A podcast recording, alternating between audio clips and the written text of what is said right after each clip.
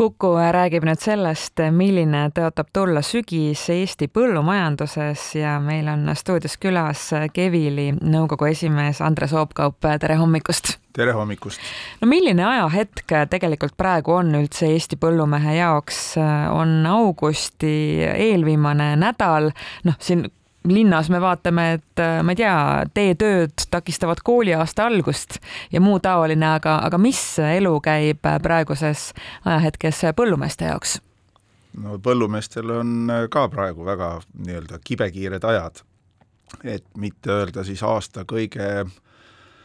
töömahukam ajaperiood üldse.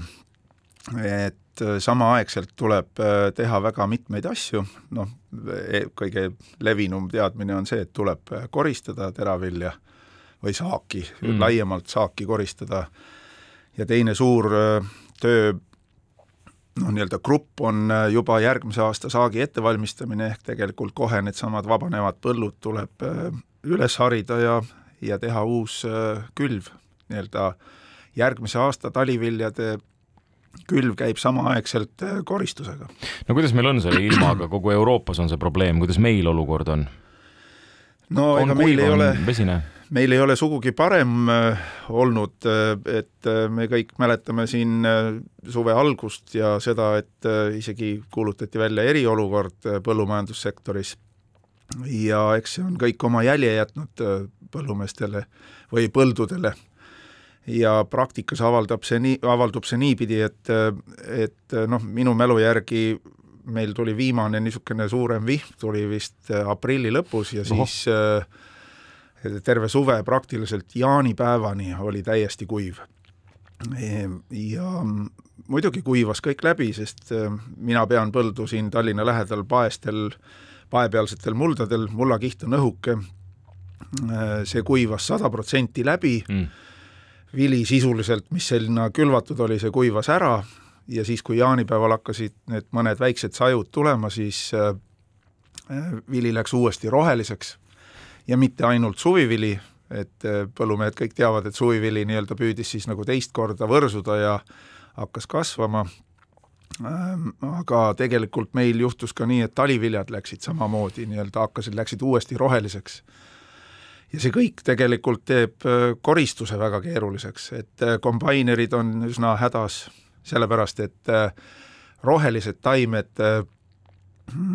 kombaini sees, kus seda nii-öelda massi, mida see kombain sisse sööb, seda pekstakse igatepidi selleks, et need terad sealt kätte saada nende peade seest, aga kui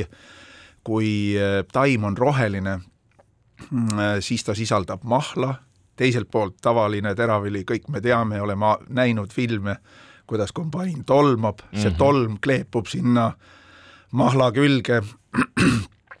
ja see kõik tekitab niisuguse kaose seal kombaini sees, et järgmisel hetkel kõik need pinnad, mis peaksid siis terad ja põhu eraldama, need kasvavad niisuguseks noh, nagu pärmitaignad suureks ja, ja see kombain ei tee enam oma tööd ja sealt edasi on probleemid kuivatajatel,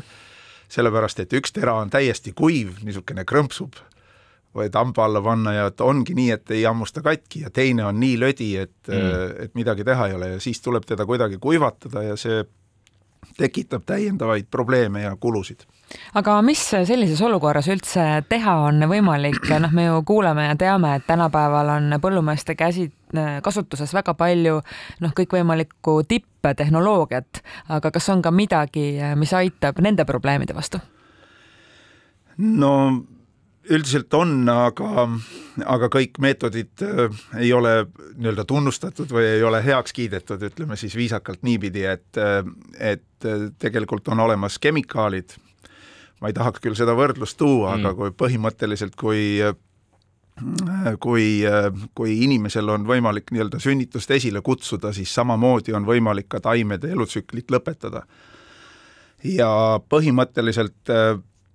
see on küll kemikaalidega töötlemine, aga see tegelikult annab väga suure efekti ja sealt edasi läheks see asi väga, väga lihtsalt, aga nüüd on lihtsalt äh, reeglite kirjutamise koht, kus äh, reeglid on täna kirjutatud niimoodi, et äh, et enamik põllumehi, kes on siis valinud niisuguse keskkonnasõbralikuma majandamismeetodi, noh, seda põllumeeste keeles on see siis KSM, et nendel on keelatud koristuseelselt igasuguseid noh, igasuguseid ei ole õige öelda, aga on keelatud nende kemikaalide kasutamine, aga see kuivataks kogu taimemassi ära ja siis töötab kombain äh, nii-öelda rahulikult jälle. aga mis see üldpilt meil siis nüüd on, tuleb sealt siis nüüd üldse saaki või ei tule?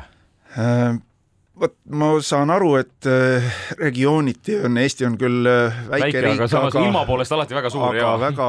väga nii-öelda ulatuslike ilmamõjudega erinevates piirkondades, et kuuldavasti on Lõuna-Eestis üsna kuiv ja Ida-Eestis ka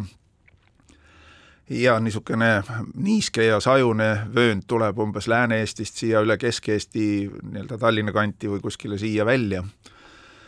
Äh, mina pean tunnistama, et meil peaaegu iga päev mingisugune, viimase nädala jooksul on peaaegu iga päev mingisugune väike tilk kuskilt jälle mm. sadanud, mis teeb nagu koristuse selles mõttes raskeks, et kui ta ongi ära kuivanud, et siis jälle vihm teeb märjaks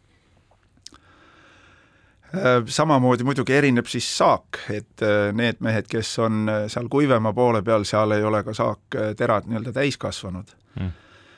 Et olen lihtsalt kuulnud, et mõned siin kirjutavad, et kui saad tonni hektarilt, on hästi, et mis on normaalne, võiks kohe kõige enne küsida. mis oleks hea siis? hea oleks, mina ütleks, et hea oleks niimoodi, et oleks niisugune kuus tonni, seitse tonni hektarilt on niisugune äh, et ma ütleks niipidi, et Eestis me võiksime püüda niimoodi, et ettevõtte keskmine on üle viie tonni, keskmine saak ettevõtte kohta. Ja, ja ma arvan, et väga paljud ikkagi sel aastal seda ei saa, et see on niisugune kakskümmend, kolmkümmend protsenti on saaki vähem, aga aga tõenäoliselt on meil parem seis, kui oli kahe tuhande seitsmeteistkümnendal aastal või kaks tuhat kaheksateist oli hästi kuiv. Mhm. kaks tuhat kaheksateist et äh, mäletan, et äh, mina sain toona nelikümmend protsenti tavapärasest saagist, et äh, räägime siis mõningatest numbritest konkreetselt mm, -hmm. et aru saada, et kui tavaliselt minu majandatava ettevõtte teraviljakasvatuse maht on suurusjärgus niisugune kaks tuhat kuussada kuni kolm tuhat tonni, siis kaks tuhat kaheksateist suutsime me toota tuhat nelisada tonni, et see on niisugune üsna armutu number. Sellel aastal on parem. Mm.. ma arvan, et äh, pigem me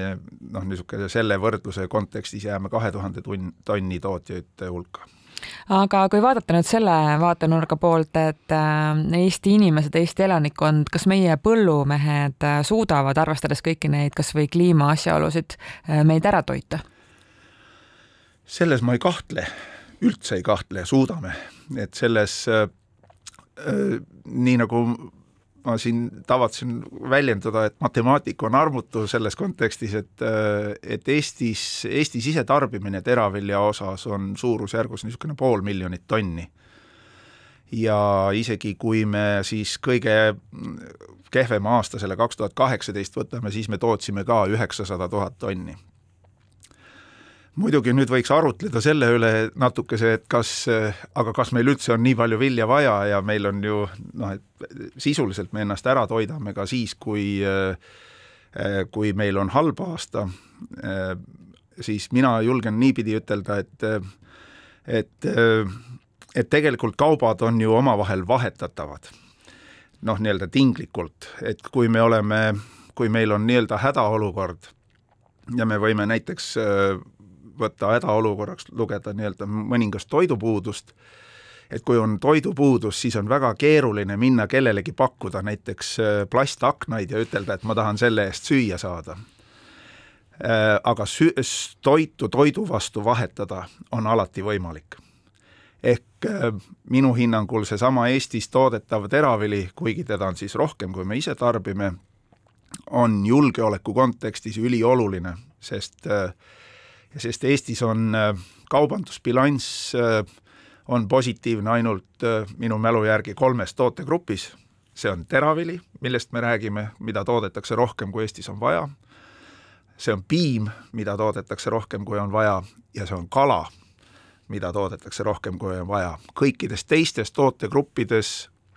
on Eesti ühel või teisel moel sõltuv impordist Andres, mida see tähendab hinnale, kui me räägime sellest, et seda saaki tuleb ikkagi võib-olla vähem, kui ta tuli näiteks eelmisel aastal ja probleem on, kas see tähendab, et teravilja hind tõuseb? Äh, võiks eeldada küll, aga, aga me oleme paraku selles olukorras, kus äh, Eesti teraviljaturg ja mitte ainult teravilja, tegelikult ka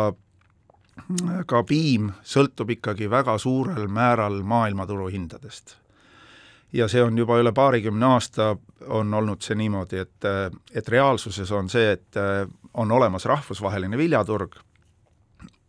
seal seesama viljaturg, kus ka täna tegelikult sõja kontekstis nii venelased kui ka ukrainlased oma toodet, toodet pakuvad, samamoodi pakuvad eestlased, prantslased, ameeriklased, et selles mõttes see on väga rahvusvaheline turg. Ja hinna siiski määrab seesama turunõudlus ja selle tõttu võiks ütelda niipidi, et Eestis ilmastikuolud ei mõjuta hinda üldse praktiliselt noh, ma siis ütlen niipidi, et kui Eestis toodetakse miljon tonni teravilja, siis Ukrainas ja Venemaal, Venemaal toodetakse näiteks sada miljonit tonni, et see mm., see, need suurusjärgud ei ole üldse nii-öelda võrreldavad, et kui me oleme üks protsent või null koma kuus protsenti sellest turumahust, siis meie, meie hind midagi ei mõjuta. Ukraina puhul on lihtsalt see, et see vili ei tule sealt välja. jah, no nüüd on nagu, tegelikult on küsimus sellesama nagu turukaubanduse nii-öelda tasakaalu vahel, et kas kaupa on üle või, või puudu, kui Ukrainast ei saa välja vedada, siis võib eeldada, et on natuke puudu mm, -hmm. turg teeb väikse jõnksatuse ülesse, aga üldiselt on niimoodi, et ega see hind on ikkagi rahvusvaheliselt paigas ja ega me selle pealt mitte midagi rohkem ei teeni, et äh, meil niisugune raske olukord on. Ja Andres Oopkaup, lõpetuseks, milline töönädal teie enda põlde sel nädalal ees ootab? no Andre, olgu öeldud, Andres vaatas kohe aknast välja selle peale, milline taevas on. Et ma vaatangi, et ega kõik sõltub ilmast, et et minu enda koristusseis on suurusjärgus niisugune viiskümmend viis protsenti koristatud, et see tähendab et, et nelikümmend viis protsenti saagist on vaja veel või põldudest on vaja veel koguda, mis see saak seal saab olema, see on natukese keerulisem vastata. Aga reaalsus on see, et kui vähegi võimalik on, siis tuleb äh, tegeleda koristusega, kui vihm seda ei luba, siis me tegeleme mullaharimisega ja järgmiste külvide tegemisega, nii et ega siin ja vahepeal veel tuleb sedasama olemasolevat saaki, tuleb äh, toimetada ka äh, sihtpunkti ehk ladudesse, kus, kus Eestis seda kokku ostetakse. kõik peab paralleelselt nii-öelda laitmatult toimima, nii et see ongi minu töö suur aitäh intervjuu eest, meiega vestles Kevili nõukogu esimees Andres Oopkaup, aitäh! aitäh, kena päeva!